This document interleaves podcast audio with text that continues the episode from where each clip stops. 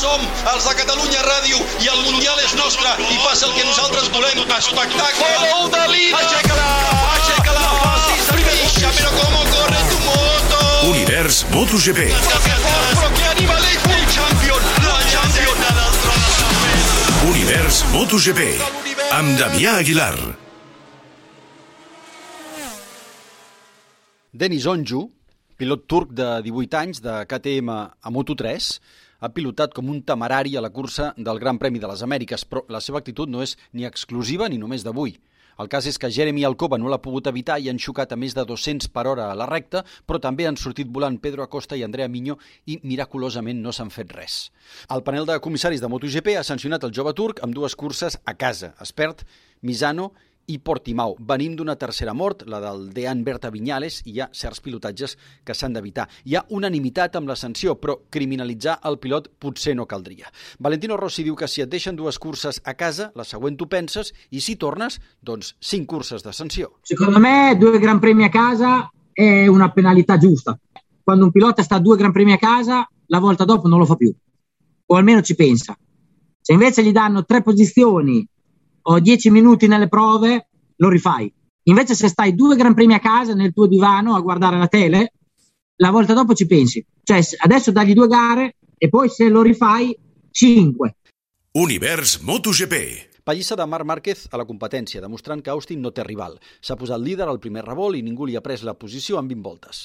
Ha deixat escalfar-se els pneumàtics les primeres voltes i quan ha volgut ha apretat per obrir fins a 4 segons de distància. Les voltes finals ha notat el cansament, però com la resta, que algú ha definit com una cursa a Sepang però pitjor. Aquest és el Márquez que sembla que no estigui lesionat. Bueno, eh, sí que estic molt content, eh, sobretot per la, per la victòria, eh, ja que, per exemple, Alemanya va ser una mica un regal, eh, no m'ho esperava, però, però aquí ja veníem una mica amb la intenció. Eh, després de la carrera de, d'Aragó, fer segons, eh, Misano quarts, aquí venia una intenció d'intentar guanyar la cursa.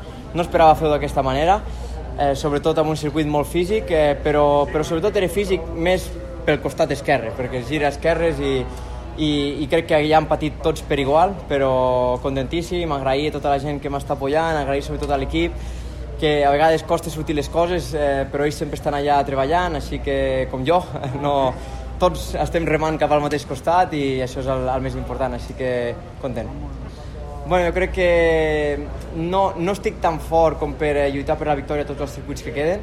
Sobretot Misano l'haurem de passar, perquè tots aniran molt ràpid, s'ha entrenat, eh, tothom anirà massa, massa ràpid. Eh, I allà has d'estar de, físicament al 100%, però després de les últimes curses eh, tinc curiositat a veure si puc fer dos bones curses per acabar l'any. Ell diu que la lesió millora a poc a poc, però que la diferència entre el braç esquerre i el dret és molta i que quan el dolor apareix els dimarts després de les curses, li puja des de l'avantbraç i li passa per l'húmer. El seu germà Àlex diu que això d'avui demostra qui fa la diferència. Al final la diferència la fa, la fa el Marc, eh, eh, hi havia no, el gran dubte, no si serà la moto, serà el Marc, eh, ja puc dir que, que és el Marc el que fa la gran, la gran diferència. Eh. És la segona victòria de Marc Márquez en aquest 2021. Excepte la 5 de Quartararo, el líder, ningú més ha guanyat més, dues Peco i dues Jack.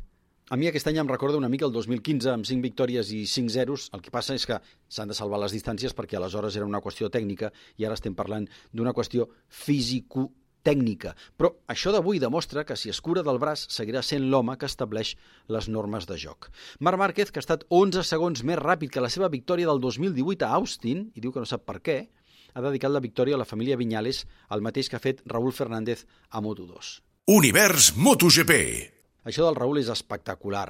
Només pensar que l'any que ve serà MotoGP se t'ha de fer la boca aigua. S'ha parlat molt de Costa i menys d'aquest pilot de la Comunitat de Madrid que volia una Yamaha per l'any que ve però que s'ha de conformar de moment amb una KTM, que ja ha aprovat. Austin ho ha patat, setena victòria de la temporada a Moto2, igualant el rècord de la categoria en poder fins ara només de Marc Márquez des del 2011. Amb la caiguda del seu company Remy Gardner, s'acosta a 9 punts del lideratge. Aquest pilot que, entre altres, porta el Dakarià Nani Roma, també compta amb el consell del psicòleg Pep Font del CAR de Sant Cugat. Llámalo casualidad o yo no creo mucho en las casualidades, ¿no? yo creo muchísimo en el trabajo que hay detrás de todo esto. Casualidad no es que haya empezado a trabajar con Pep y hayan venido así los resultados, no. El centrarme en mí mismo, el no pensar más allá de, de esta carrera o este entreno. es increíble, ¿no? No tengo palabras, la verdad que estoy en un momento muy bonito de mi vida, eh, aunque con altos y con bajos, ¿no? Al final, eh, la vida, aunque todo sea, aunque todo parezca bonito muchas veces, ¿no? Eh, por mucho que se gana, a veces es hasta, hasta más difícil de gestionar, ¿no?